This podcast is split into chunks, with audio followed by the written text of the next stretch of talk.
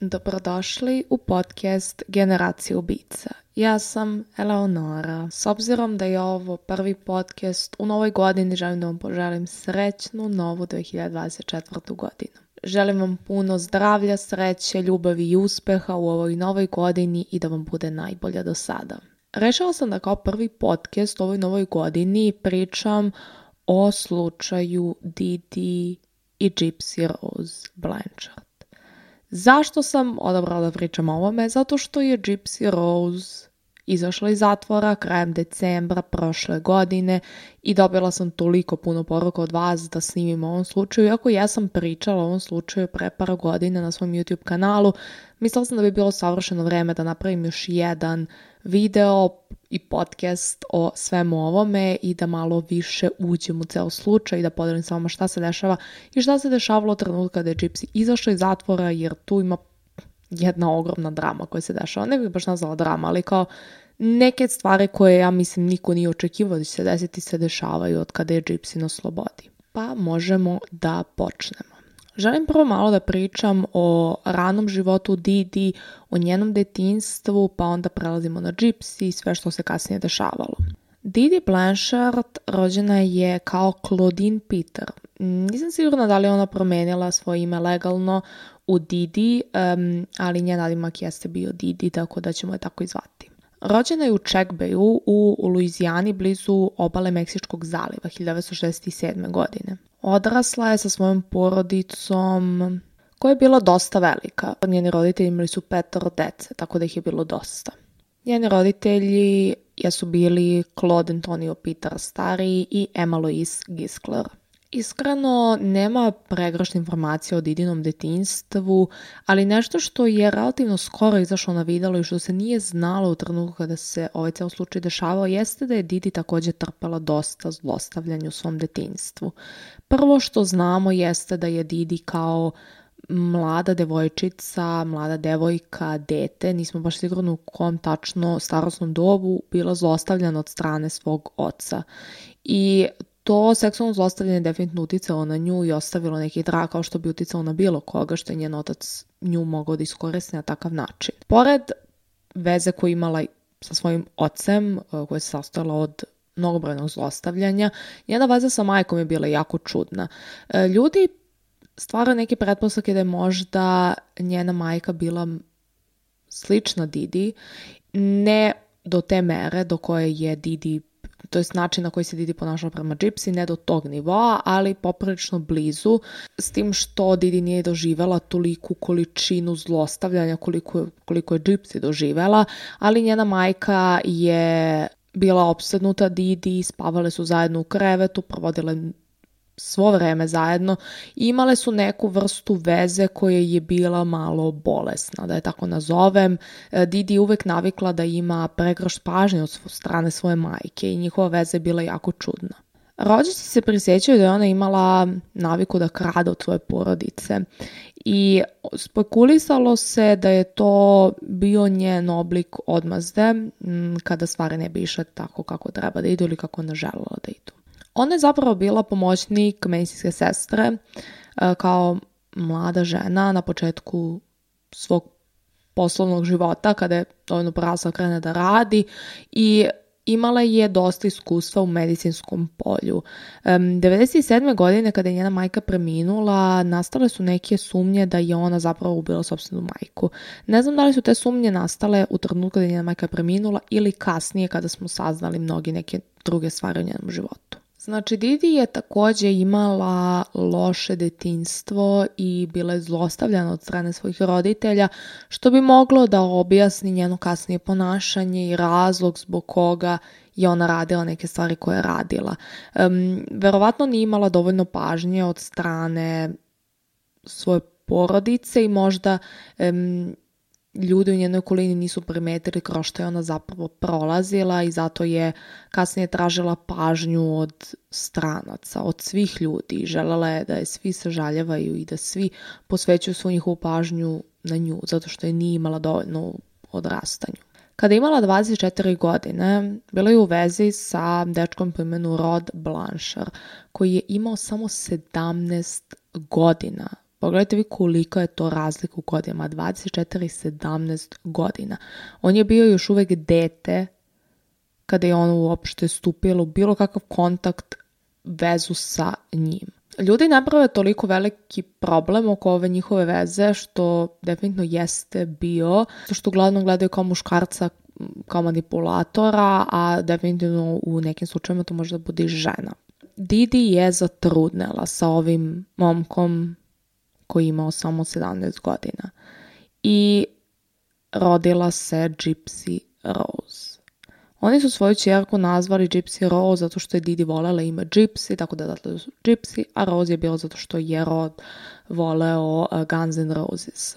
Gypsy Rose Blanchard rođena je 27. jula 1991 godine. Baš u periodu kada se Gypsy rodila, ovaj par se rasta. Oni su se venčali, ali su shvatili da su se venčali iz pogrešnih razloga i da ta veza ne bi nikada mogla da funkcioniše. Razlika godinama je bila ogromna, Rod je bio još uvek tinejdžer, dok je Didi bila već odrasla osoba i kako bi ta veza mogla da funkcioniše, pogotovo kada se u celu tu priču ubacuje i dete. Didi je pokušao da ga natara da se vrati, on se opirao tim njenim naporima, tako da je ona odustala i odvela svoju novorođenu čerku da živi sa njenom porodicom, sa, njenim maj, sa njenom majkom i ocem, kako bi oni mogli da i pomognu da se stara o njoj. Prema rodu on je ostao u kontaktu sa svojom čerkom e, dok je ona još uvijek bila mala i viđao je svaki trenutak koji je imao slobodno i koji je mogao da provede sa njom. Kada je Gypsy imala tri mjeseca, njena majka je bila ubeđena da ona ima um, apniju snu i počela je da vodi u bolnicu gde su odrađeni različiti testovi kako bi proverili da li je stvarno Gypsy imala zdravstvenih problema, ali nisu otkrili nikakve znake tog stanja i pustili su ih da se vrate kući. Nešto što je bio prvi zdravstveni problem koji je Gypsy stvarno imala jeste bio problem sa njenim očima, sa njenim zenicama, gde i se zenice nisu usklađivale taj problem je mogao da izazove neke kasnije njene probleme sa vidom, tako da je bilo potrebna operacija i dosta vežbe kako bi se to izlečilo. I to je, bilo, to je bio stvarni poremećaj koji Gypsy imala, zdravstveni problem koji je bio rešiv i koji su oni rešili. Međutim, Didi je u tom trenutku primetila da se njoj dopala pažnja koju ona dobila u tom trenutku kada je Gypsy imala problema sa očima i to je stvorilo neku zavisnost od tog problema. I trenutno taj sindrom koji se veruje da Didi imala je poznat kao Munchausen sindrom ili kako se na srpskom kaže Minhausen sindrom, gde je Didi tražila da dobije svu pažnju zahvaljujući zdravstvenom stanju njene čerke. To jest, dopala i se pažnja koju je dobila kada je Gypsy bila bolesna i onda je želala da Gypsy bude još bolesnija i počela da izmišlja različite zdravstvene probleme koje Gypsy stvarno nikada nije imala. Ti zdravstveni problemi su počeli od leukemije i prerasli u neke još bolesti. Didi je bila uverena ili je pokušala da uveri ljude oko sebe da njena ćerka ima širok spektar zasnih problema koje je prepisala nekom neodređenom hromozomskom poremećaju, nečega što se desilo na njenom rođenju, nečega što ona ima od svog rođenja i da taj um, horomozomski poremećaj stvara sve ove zdravstvene probleme koje Gypsy ima. Kao što kažem, predstavila je kao prvo da Gypsy ima leukemiju um, i da prima hemoterapiju, čak joj je i obrijala kosu sa glave i Gypsy je kroz celo svoje dedinstvo bila ćelava i ona je stalno šišala kako bi izgledalo kao da prolazi različite um, te, terapije, tratmane koji izazivaju da i opada kosa u jednom trenutku njena majka tvrdila da Gypsy Rose ima mišićnu distrofiju i um, nije mogla da hoda, tako da je morala da koristi kolica. Gypsy Rose je podelila priču da kada je imala 7 ili 8 godina vozila se na dedinom motociklu i um, dogodila se manja nesreća u kojoj je zadobila grbotinu na kolenu. Ta nesreća nije izazvala nikakve strašne povrede, kao što kažem, bila je samo nekih grbotina.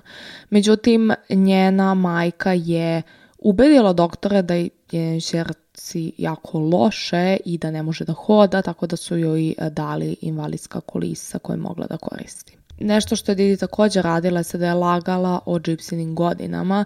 Kada je došla 2000. godina, Gypsy bi trebala da ima 9 godina u tom trenutku, dok je ona predstavila da ima 7 godina. Smanjila je 2 godine i samo Gypsy nije znala kad je rođena i koliko godina ima često išla sa roditeljima na događaje specijalne olimpijade 2001. godine kada je Gypsy imala 8 godina, u stvari imala 10, znači bila je 2 godine starija, imenovana je za počasnu kraljicu jedne parade za decu koja je održana tokom Mardi Gras u New Orleansu. Ne zna se dokle je tačno Gypsy išla u normalnu školu, ali kada je bila neki prvi, drugi razred, um, prestala da ide u normalnu školu i Didi je krenula da je uči i škole, to je da je homeschooluje, zato što uh, je smatrala da je Gypsy previše bolesna da bi išla u školu i da um, radnici u školi ne bi mogli da i pruže dovoljno dobar tretman, da će zaboraviti možda da, da i daju lekovi, što bi moglo da bude fatalno, tako da je želela da može da je nadgleda i čuva 24 sata dnevno. Međutim, kasnije kada smo shvatili da je Gypsy zapravo bila zdravo dete, shvatamo da je ovo bio pokušaj da izoluje Gypsy um, kako bi mogla da je izmanipuliš i kontroliše što više moguće. Gypsy nije dobila ni najosnovnije obrazovanje koje je trebala da ima, e, jer njena majka nije znala šta da radi, nije, nije obrazovala toliko koliko je trebala i ona je tek zvanično obrazovanje dobila kasnije u zatvoru. Neke još e, zdravstvene probleme koje Didi predstavljala da je Gypsy imala jesu bili mentalni problemi. E, ona je predstavljala kao da Gypsy nije mentalno stabilna i da ima mentalni sklop deteta čak i kada je malo porasla, da nije dovoljno razvijena mentalno i da i dalje razmišlja i funkcioniše kao dete, što je bila potpuna laž.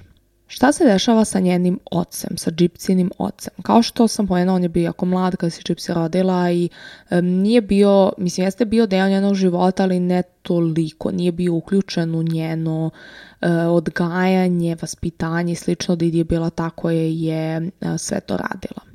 Njen otac se, kada je Gypsy imala samo šest meseci, započeo vezu sa ženom s kojom je i dan danas i e, ubrzo su se venčali. Kada su se Didi i Gypsy odselile iz e, kraja u kome su tada živele, tu je prekinut svaki kontakt koji je Gypsy imala sa svojim ocem i svaki put kada bi on pokušao da stupi kontakt sa Gypsy, Didi bi se tomu sprečila i ona je naravno manipulisala Gypsy da veruje da njen otac e, njoj želi najgore, ne bi trebalo uopšte da pokuša da ima bilo kakvu vezu sa njim, što je naravno dovelo do toga da je sama Gypsy prekinula kontakt sa svojim ocem i nije žela da bude u kontaktu s njim. Sada dolazimo u period kada se veruje da je Didi pokušala da oture svoju maćehu. Mm, e, zapravo ona je u tom trenutku živela sa svojim ocem i maćehom. Didi je bila tako je pripremala hranu za nju um, i veruje se da je pokušala da je otruje sredstvom za ubijanje korova, e, roundup, i to je dovelo do hronične bolesti koju je njena maćeha zadobila u ovom periodu kad su živeli zajedno.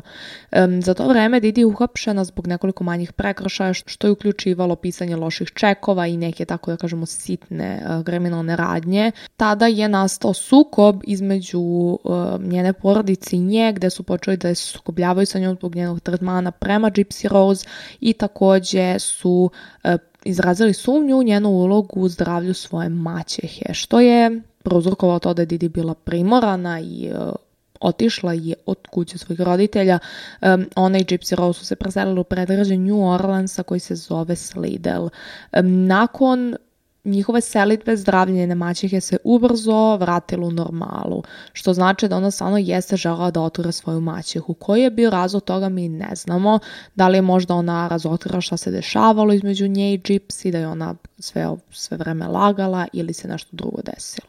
Usledilo para je živa u e, javnom stanovanju um, i oni su dobijali pomoć države zbog džipsinog navodnog lošeg zdravstvenog stanja kao i novac od alimentacije.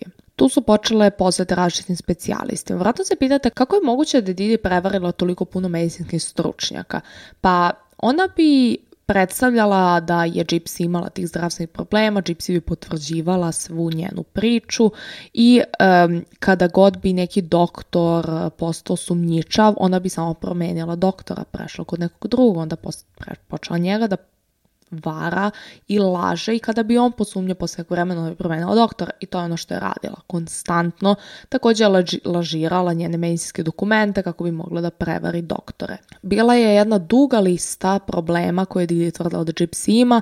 Neki sada nove probleme koje su izašle na površinu su bili problemi sa sluhom i vidom i e, biopsija mišića nije pronašla nikakve znake mišićne distrofije na koju je Didi insistirala da Gypsy ima, ali je bila uspešna da obezbedi lečenje za neke druge navodne probleme koje je Gypsy imala. Količina lekova koje je Gypsy pila je stvarno jeziva. Ubacit ću vam neku sliku da vidite koliko lekova je ona pila. Oni su imali celu privatnu apoteku u svojoj kući. Didi je pričao doktorima da Gypsy um, na svakih par nedelja dobija napade. Uh, napad epilepsije. Tako da oni nisu mogli baš to da provere i dokažu, jer su oni tvrdili da ona 18 imala te napade, tako da su i dali lekove za epilepsiju.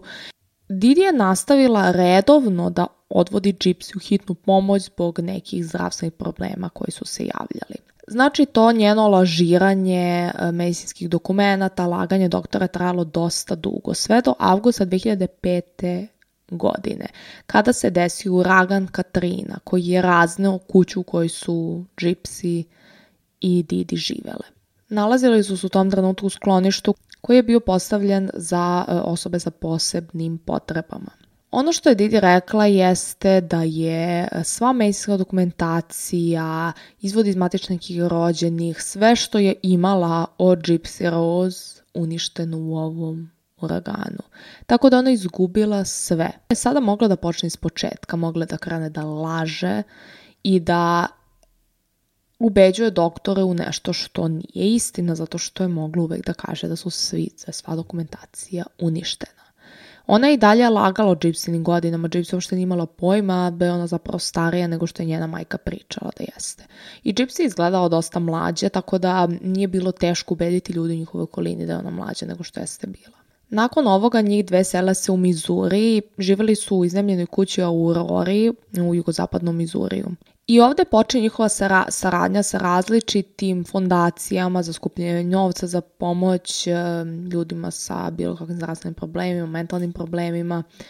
I u ovom trenutku Gypsy kreće da se hrani preko cevčice za hranjenje. Prestaje da jede normalnu hranu zato što ih Didi bukvalno ubeđuje doktore da ona ne može da, da vari normalnu hranu i ne može da guta, da jede, um, tako da je ugrađuju cevčicu 2007. godine. Što je bukvalno neverovatno da ona uspela da ubedi doktore da to rade. Takođe u tom periodu su izvađene žlezde koje su proizvodile pljuvačku um, kako bi manjili problem koji je Gypsy imala, koji zapravo nije bio nikakav problem, jer ona je bila potpuno zdravo dete koje nije imalo nikakvih zdravstvenih problema.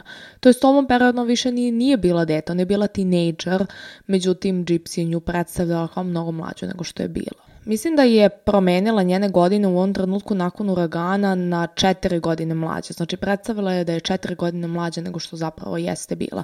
U ovom trenutku ona je imala 18 godina, majka je predstavljala kao da ima 14. I kao da ima 14 godina sa mentalnim sklopom deteta, što znači da je da se ponašala kao mnogo mlađe dete i da je na majka gurala da se igra sa mlađom decom, što ona nije žela da radi.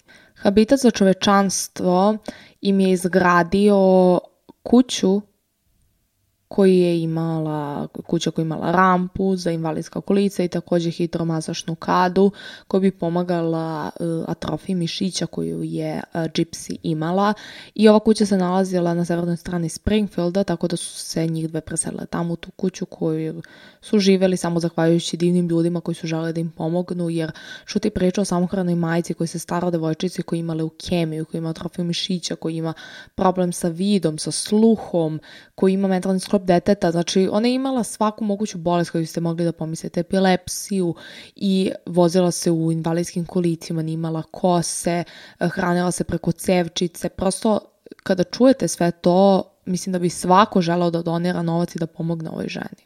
Dobijali bi besplatne letove, besplatne preglede kod različitih specijalista, doktora, e, kada god bi otišla negde na neki pregled doktorski imali bi besplatni smeštaj, e, besplatne izlete u Disney World i sve ostalo, različite propusnice za velike koncerte velikih zvezda.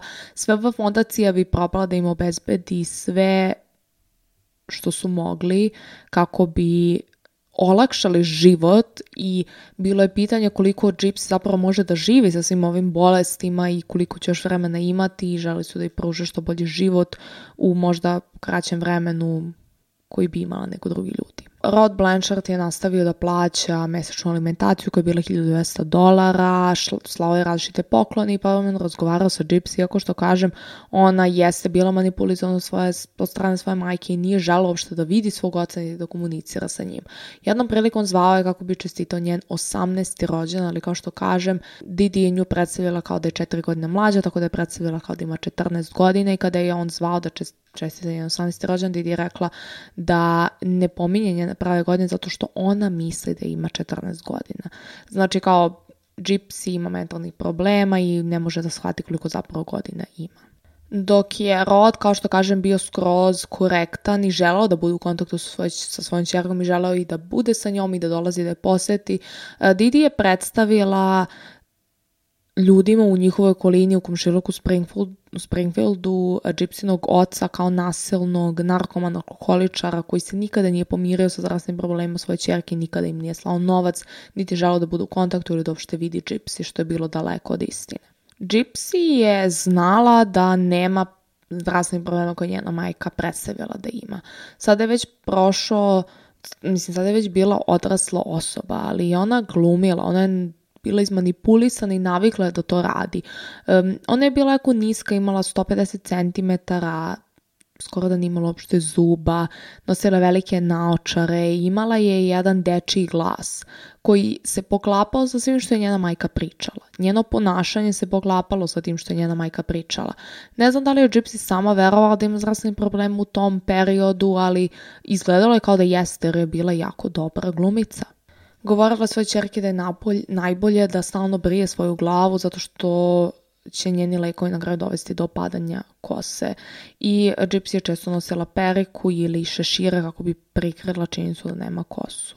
Didi je bila sa Gypsy 24 sata 24-7, bile su nerazvojne, stalno su bile zajedno, čak su spavale u istom krevetu i Gypsy nije imala trenutak kada je bila sama. Nikad. Nikada nije mogla da izađe sama i kada bi napuštali kuću, Didi je često s nosila rezervoar za kisonik, cev za hranjenje i um, Gypsy bi uvek bila u kolicima. Gypsy je doživljavala dosta fizičko zlostavljanje od strane svoje majke. Majka bi je često tukla kada bi bile kod kuće i svaki put kada bi Gypsy možda uradila nešto se Didi ne bi dopalo, dobila bi batine. Njena majka bi često koristila različite te anestetike e, kako bi moglo da i utrne neki deo tela, da li to bila usta, da li to bili desni i onda bi to izazvalo neke probleme koji bi doktori, koji bi doktore zabrinjavalo i onda bi pretpostavili da ona stvarno ima tih nekih zdravstvenih problema koje njena majka tvrdila da ima. I čini se da njena majka ima medicinsku neku pozadinu da je radila kao pomoćnik medicinskoj sestre, nije pomagalo, jer je ona onda bila upoznata sa nekim simptomima i mogla je to tako da predstavi doktorima da oni stvarno poveruje da je Gypsy prolazila kroz tako nešto. Kao što sam pomenula, njene pljuvačne žlezde su izvađene zbog nekontrolisane proizvodnje pljuvačke koje se navodno dešavalo, što se nije dešavalo. Um, u kombinaciji sa nuspojavom lekova koje je pila za epilepsiju doveli su do gubitka njenih zuba. Takođe su i bile ugrađene cevi i uši kako bi kontrolisali njene bezbrojne navodne infekcije uha. Verovatno se pitate kako je moguće da niko ovo nije primetio, da niko to nije video, da je Didi ovo radila godinama i da niko ništa nije primetio. E pa bio je jedan doktor koji je bio pedijatarski neurolog koji je video Gypsy Rose u Springfieldu. Njegovo ime jeste Bernardo Flasterstein i on je postao sumnjičav zbog njene dijagnoze mišićne distrofije.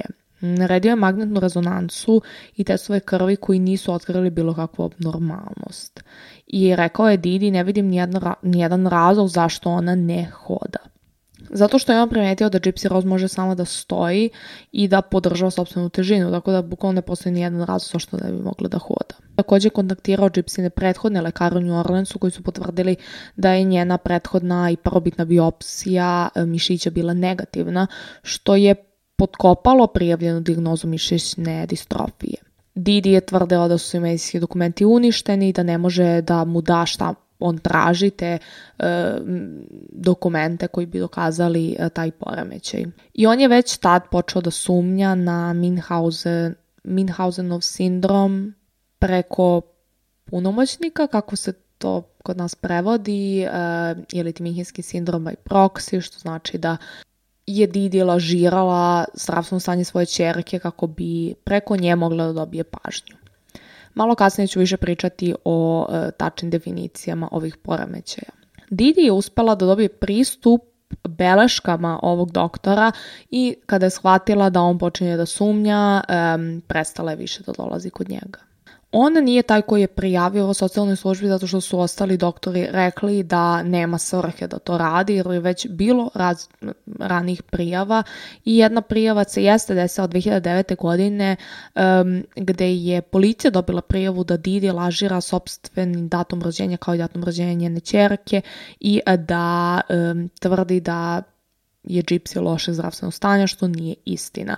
Međutim, e, Policajci su izvršili provere koje socijalne službe nisu pronašli nikakvih problema i ništa ih nije dovoljno zabrinulo da bi ušli u dalju istragu, tako da je to bio prvi i posljednji put da je policija ili socijalna služba posumnjala da se bilo šta dešava u ovoj kući. Gypsy je bila ta koja je pronašla svoj izvod iz matičnih i rođenih na koji je videla da je ona zapravo rođena 1921. godine i da je starija nego što je njena majka predstavljala. U ovom periodu je ona takođe otkrila internet i počela noću da se iskrada iz kreveta u kome je spavala sa svojom majkom kako bi se dopisivala sa ljudima. E, dopisivala bi se sa prijateljicom komšikom koja je živela u, njenom, u njenoj okolini. Takođe počela da se dopisuje sa nekim muškarcima, momcima. Naravno, imala interesovanja kao što su imale sve devojčice 18-19 godina, ne interesovanja koje njena majka žela da ona ima. Međutim, Gypsy je imala mnogo drugačiju predstavu o životu i o um, tome kako izgleda ljubav, kako kako to sve funkcioniše, zato što ona nije imala normalan život, nije čak išla ni u normalnu školu i njena predstava nekog života je bila iz filmova. Njena majka, mislim jedino što je njena majka dozvoljava da gleda su bili Disney filmovi. Znači Disney srtači su bili jedino što je njoj bio neki dodir sa realnosti, što znamo da je, mislim Disney filmovi su daleko od realnosti, ali je Didi živjela u nekom tom svom svetu fantazije i nije baš bila svesna realnog sveta. 2011. godine e, je Gypsy otišla na jedan skup e, naučne fantastike, mislim, ne to kao baš naučna fantastika, ali neka vrsta konvencije gde bi se svi maskirali i e, ona je jako volala da odlazi na, na te skupove jer se osjećala kao da je deo neke zajednice. 2011. godine je nastao njen prvi pokušaj bekstva od kuće i ona je upoznala nekog starog čoveka preko društvenih mreža, preko Facebooka i um, žala da pobegne sa njim. Međutim, Didi je uspela da je pronađe pored njenog pokušaja bekstva i vratila je nazad kući. Didi je ušla u njegovu kuću, uspela da pronađe njegovu adresu preko Facebooka jer je videla njen džipsine poruke sa njim i um, dala je njen izvod iz matičnih knjiga po kojim je ona bila još uvek maloletna, iako je ona u ovom trenutku imala 19 godina i tvrdila da će pozvati policiju da kaže da je ovaj stariji čovek koji je imao 30 godina, 30 nešto godina, da je on u društvu maloletne devojčice, što je protivzakonito. Gypsy je bila primorana da se vrati nazad kući i Didio je razbila laptop čekićem. Takođe je počela da vezuje džipsi lisicama za krevet i držala je zavaz, zavazano e, lisicama za krevet dve nedelje, kako bi je kaznila za pokušaj bekstva. Didi je kasnije rekla da je podnela papirologiju policiji tvrdeći da je džipsi mentalno nesposobna, što ju je navelo da veruje da neće verovati ako pokuša da do policiju za pomoć i da bi se samo verovao da ona mentalno nestabilna i da ne zna šta se dešava. Sledeći njen pokušaj bekstva desio se ubrzo nakon što se desio prvi pokušaj s tim što je ovoga puta ona upucala svoju majku deset puta pištoljem koji je Gypsy mislila da je pravi, ali je to bio samo bibi pištolj koji je pucao one kuglice male naranđaste i ona je upucala svoju majku deset puta, ali naravno da taj pištolj ne može da napravi nikakvu štetu, tako da se ništa nije desilo. 2012. godine Gypsy je ponovo dobila mogućnost korišćenja interneta, ali bi opet koristila internet kada bi njena majka legla da spava. Uspostavila je ponovo kontakt sa tom prijateljicom iz komšiluka s kojom se ranije dopisivala i e, počeli su da pričaju o momcima, o račim neke tako stvarima o kojima je pričala devojke u tom tim godinama i um, ova drugarica je predložila da možda proba da, da isproba neki sajt za upoznavanje.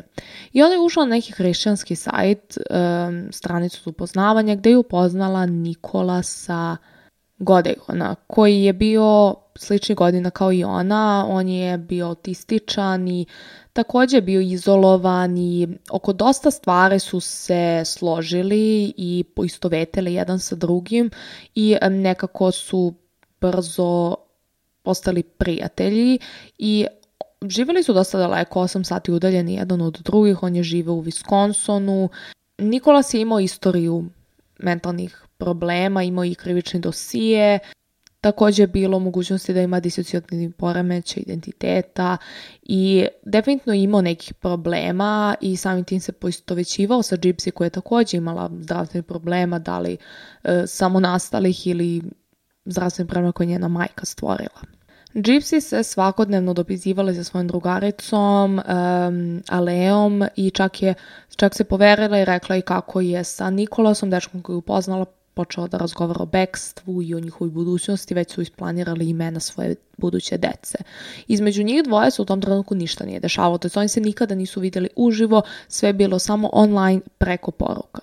Nikolas je definitivno bio um, malo drugačiji od Gypsy i počeo je da je priča o tome kako je zainteresovan za BDSM kulturu i ona nije imala pojma ni šta je to, tako da je to krenuo da istražuje i oni su tu započeli neku vrstu, vrstu veze, ali je to bilo preko poruka, znači sve što se dešavalo je bilo preko poruka. Uglavnom sve što su oni radili, čeka su zapisivali, su bilo više manje njegove interesovanja nego njena.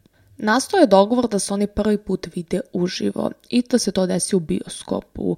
Um, puštao, puštao se neki Disney film i ona je planirala da ide s majkom um, i žela da Nikolas takođe dođe, da se tu prvi put vide uživo, da se slučajno sretnu. I bili su maskirani, ona je bila maskirana u princezu, on u kao princ Charming um, i da su se tad prvi put upoznali u bioskopu i on je došao, e, predstavio se njenoj majici, oni su tu upoznali, oni su razgovarali i e, delovalo je kao da su se tu prvi put upoznali. Gledali su Pepeljugu i e, Gypsy je u toku filma otišla do toaleta. U isto vreme kada je Gypsy otišao do toaleta i Nikolas je otišao do toaleta i uh, unutra je nastao njihov prvi kontakt Oni su, navodno, mislim, priča je išao su oni tada prvi put spavali zajedno, mislim, spavali zajedno, bili zajedno u WC-u, ali um, Gypsy je kasnije rekla da zapravo ništa nije desilo tog dana u toaletu. Nakon ovog susreta Didi je rekla Gypsy da se njoj Nikolas nije dopao i da nije bila baš oduševljena. Međutim, Gypsy je bila očarana. Njih dvoje su nastavili svoj internet interakciji počeli da razviju svoj plan da ubiju Da, to je bio njihov plan. Nikola se vratio u Springfield juna 2015. godine i on je došao kada su Gypsy Rose i Didi bile još uvek na pregledu kod lekara. I Gypsy je trebao da mu javi kada se vrata nazad kući kada Didi zaspi. Kada se to desilo, Gypsy ga je pozvala, on je došao u e, Blančar kuću, ona ga je pustila unutra i e, navodno mu dala selotejp, rukavice i nož s razumevanjem da će to upotrebiti da ubije Titi. Postoji jedan snimak gde Gypsy snima njihovu kuću i šalje mu snimak kako bi mogao da vidi kako izgleda raspored i kako stoji pored kreveta da bi spavala njena majka i pokazuje mu e, pokret ubadanja i kako će da je ubije i smese na snimku. Dok se ubistvo dešavalo, Gypsy Rose se sakrila u kupatilu i pokrila rukama uši kako ne bi morala da čuje svoju majku kako vrišti. Nikolas je ubao Didi 17 puta u leđa dok je spavala. Nakon toga on je zapravo želao da zlostavlja telo Didino, ali Gypsy Rose to navodno nije dozvolila, um, tako da je pristala da oni, da njih dvoje budu zajedno i to nije bilo svojevoljno. Bilo je u startu, ali je Gypsy u jednom trenutku rekla da ne želi više to da radi, ali on nastavio, tako da je tada bila seksualno zlostavljena. Ono što je bio dalje plan jeste da uzmu 4000 e, dolara u gotovini koji je Didi držala kući i um, zatim su pobegli u motel koji se nalazio izvan Springfielda gde je Nikolas bio smešten i um, Odatle su planirali svoj sledeći potez. Plan je bio da se vrate nazad u Wisconsin kod Nikolasa, međutim šta će raditi sa oružjem koji su koristili sa nožem. I rešili su da taj nož pošalju poštom kako ne bi bio sa njima u busu i kako niko ne bi shvatio šta imaju sa sobom. Oni su taj nož poslali poštom na Nikolasovu adresu. Sa njegovim imenom i adresom su poslali nož u pošti. Da, toliko su bili pametni. Gypsy je stalno pratila vesti kako bi mogla da vidi da li je neko nešto primetio, da li neko zna šta se dešava njenoj majci. Međutim, niko ništa nije objavljivao nikade. I tada je ona shvatila da je njena majka truna u njihovoj kući da niko nije provalio da je ona preminula i tada je počeo da objavljuje neke čudne statuse na Facebooku u ime njene majke. Tu je nastala velika pometnja oko toga da li je Didin e, profil hakovan, šta se dešava i nekoliko ljudi prijavilo je policiju čudnu aktivnost na Didinom Facebook profilu i nisu znali šta se dešava, pokušali da kontaktiraju Didi, e, znali su da su u toj kući nalazi Didi, njena bolesna čerka i policija otišla da vidi šta se dešava. Kada je policija stigla, morali su da, saček, da sačekaju izdavanje naloga kako bi uopšte mogli da uđu u kuću. Ono što su uspeli da vide kroz prozor jeste da je kuća bila neometana i da se uh, džipsina, da su džipsina kulica nalazila unutra. Kada je policija uspela da dobije nalog za pretres, ušli su u kuću, pronašli su Didino telo. Međutim, ono što nisu pronašli jeste bilo Gypsy. Nije bilo ni drag ni glas od Gypsy. Pretpostavka jeste da je osoba koju ubila Didi kidnapovala njenu čerku. I nastala je pomama. Znači, ljudi su poludeli za ovim slučajem, nisu znali šta da rade. Žena je ubijena, samurana majka koja se starala o svojoj bolesnoj čerci, a od čerke ni drag ni glasa. Čak i da Gypsy nije bila povređena u ovom napadu, verovali se da je bila bespomoćna bez svojih invalidskih kolica, lekova, prateće opreme, kao što je bio rezervoara za kisonik i cev za hranjenje.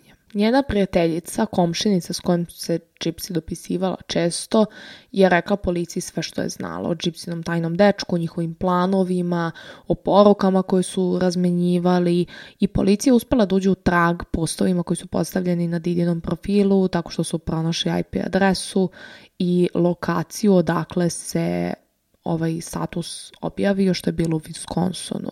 Policija je stigla u kuću u kojoj su trenutno bili Nikolas i Gypsy Rose i oni su privedeni pod optužbom za ubistvo i oruženi zločin.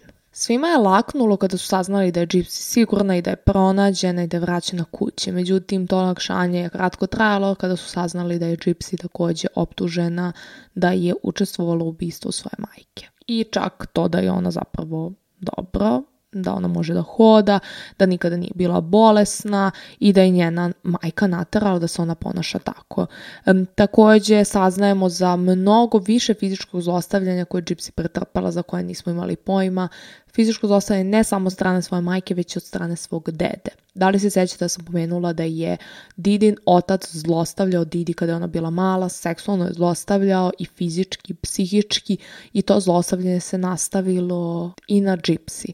Gypsy je takođe doživela seksualno zlostavljanje od strane svog dede kada je bila jako mala.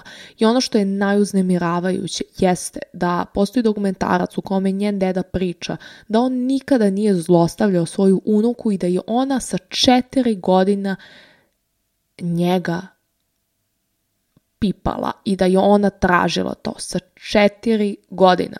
De, beba, beba od četiri godina, to ne mogu da nazovem ni dete, to je toliko malo dete da je taj čovek izgovorio tu rečenicu, izgovorio tu rečenicu i bio je okej okay sa time što je rekao. I tvrdi da je to sve okej. Okay. Da, taj čovek je takođe zlostavljao i svoju unuku. Gypsy je dobila plea deal gde bi priznala da je počinila drugostepeno ubistvo i dobila 10 godina zatvora e, kako bi izbjegli suđenje i ceo haos koji bi nastao oko ovog slučaja. Što je ona prihvatila i dobila je 10 godina u zatvoru. Nikola se suočio sa strožom optužbom zato što on jeste taj koji je zapravo počinio ubistvo. Iako se ne zna koliko je tu Gypsy bila umešana i koliko je ona zapravo manipulisala Nikolasa, koliko je on želao da počine ubistvo. Mislim, jasno je da on žao da počne ubistvo zbog Gypsy, ali e, koliko je ona njega naterala, izmanipulisala na to je ono što mi ne znamo. Takođe teče teže procesuiran zbog um, različitih ličnih okolnosti. Nikolas je dobio manje simpatije, razumevanja zbog nedostatka učešća u zlostavljanju. On nije imao nikakav kontakt, nikakvu vezu sa Didim, ona, Didi, ona nije njega zlostavljala. I Gypsy Rosin sporazum o priznanju krivice nije zahtevao od nje da svedoči protiv njega. U januaru 2017. E, njegovo suđenje je je odloženo i um, suđenje se prebacilo za novembar 2018. godine. Pronađene su različite poruke gde se taj, to ubistvo dugo planiralo. Posle četiri dana suđenja slučaj je posla poroti, bilo je potrebno da porota odluči um, kakvu će kasu Nikolas dobiti. Mogao je da dobije jednu od tri optužbe, ubistvo iz nehata, ubistvo drugog ili prvog stepena ili nevin. Posle otprilike dva sata većanja porota se vratila sa presudom. Kriv za prostepeno ubistvo i oružani zločin. I februara 2019. godine on je osuđen na doživotnu kaznu zatvora bez mogućnosti uslovnog otpusta. Što je bila jedina moguća opcija zato što su e, tužioci odbili da traže smrtnu kaznu. Znači, njegova najgora kazna mogla da bude smrtna kazna, a bolja opcija je bio doživotni život. Naravno, tražili su zahtev za novo suđenje koji je bio odbijen zajednica u Springfielda i mesta gde su one provele najveći period um, njihovog života, to je žipsinog života, je bio šokiran ovim saznanjem, saznanjem da je ovo sve bila ogromna prevara i da Gypsy nikada nije bila bolesna i da je toliko novca dato njima, taj novac je mogao da se da nekome ko je stvarno imao problema i da je neverovatno kroz što je Gypsy prolazila i šta je Didi radila i uh, prosto pa svi bili u šoku. Ovaj slučaj je dobio toliko medijske pažnje baš zato što je Gypsy već bila u neku ruku poznata lično šak i pre ovog ubistva, zato što je Didi gurala u različite emisije, gde god je mogla da je ugura, ona je gurala jer želala da Gypsy postane poznata. Želela je da ima Žele, Didi je želala pažnju. Znamo da je bila žena koja je imala poremećaj i tražila je svu moguću pažnju koju mogla da dobije. Kako je mogla da dobije najviše pažnje? Tako što će gurati Gypsy ispred kamera. I Gypsy je bila velika zvezda i poznata čak i pre ovog ubistva.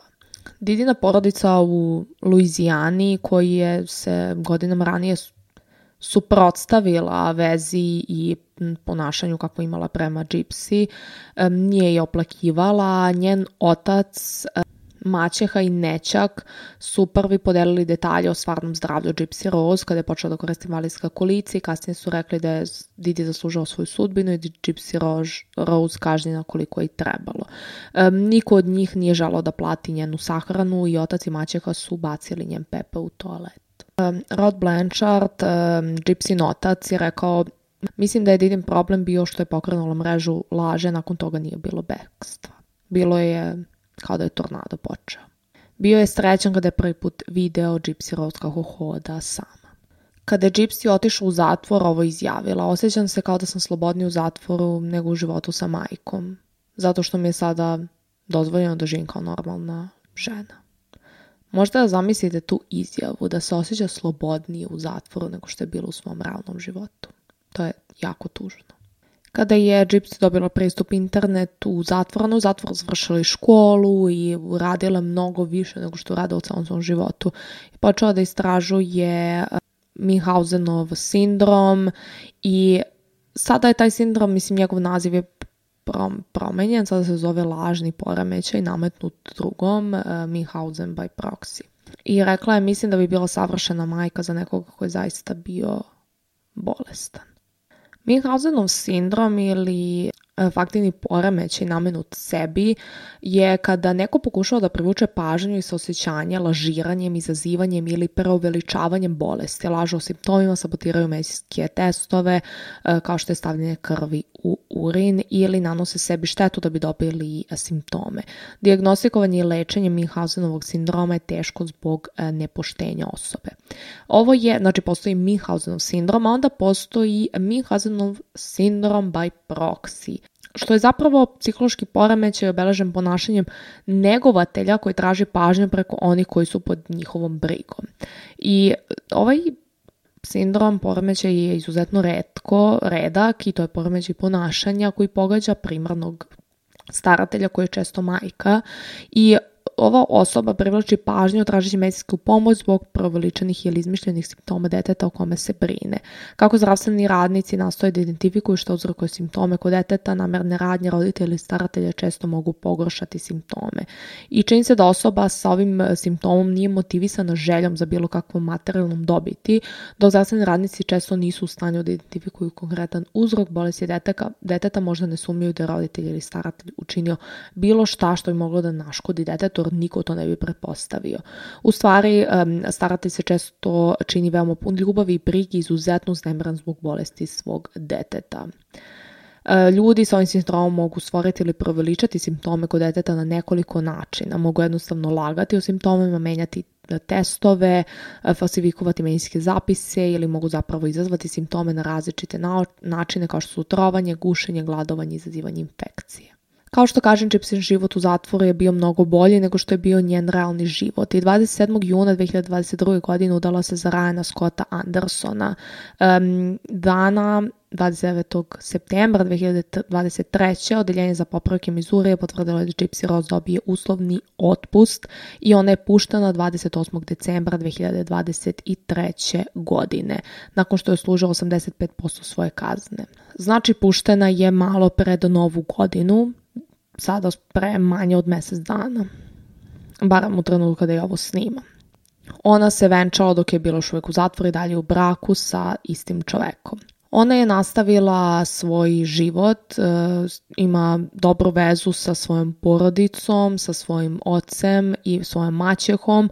E, bila je deo različitih dokumentaraca koji su se održavali na ABC-u hbo ali sada trenutno radi na drugom novom dokumentarcu u kome će uh, učestvovati ona kao i ljudi iz njene okoline. Um, kao što kažem, um, ima dobru vezu sada sa svojom porodicom i um, govori o vezi sa svojom maćekom i svojim ocem u novim dokument, novom dokumentarcu.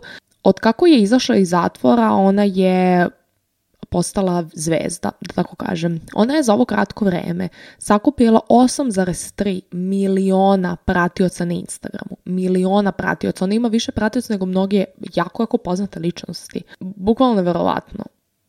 Ali Ona se pojavlja u različitim podcastima, u nekim morning showima. U, znači ona je svuda, ne možete da je izbegnete. I sada ljudi imaju različito mišljenje o tome da li je to što ona radi dobro ili ne. Da li bi trebalo tako da se e, pojavljuje na internetu i da li će to uticati njen, njen uslovni otpust. Ne znam koje su uslovi njenog uslovnog otpusta i kako to sada funkcioniše i šta će se dalje dešavati, ali želim da čujem vaše mišljenje. Pišite mi dole u komentarima šta mislite o svemu ovome i verujem da sam propustila neke detalje, jer ima mnogo toga u ovoj priči. Tako da ako sam nešto propustila, ako znate, pišite mi dole u komentarima. Možda budem e, kasnije za par meseci snimila neki neki kraći video na YouTube kanalu e, kako bi mogla da e, podelim sa vama šta se dalje dešavalo i kako sada izgleda Gypsin život nakon svega i kada budu izašli ti dokumentarci, neka knjiga koju najavljuje, tako da možda dobijemo malo više informacija. Uglavnom, e, nadam se da ste dobili neke odgovore na pitanja koje ste imali u ovom slučaju i e, kao što kažem možete da mi pišete u komentarima na YouTube-u ili na Instagramu vaše mišljenje o svemu ovom i o Gypsynom životu nakon um, izlaska iz zatvora. Hvala vam puno za što ste slušali ovaj podcast, nadam se da ste uživali. Um, ako jeste, možete da me zapratite na društvenim mrežama kao i na YouTube, možete da se prijavite na moj Patreon kako biste dobili raniji pristup svim mojim videima i također možete da me zapratite na platformi na kojoj slušate ili gledate ovaj podcast. Hvala vam puno za što gledate i podržavate generaciju ubica. Mi se vidimo sledeće nedelje sa novom epizodom. Ćao!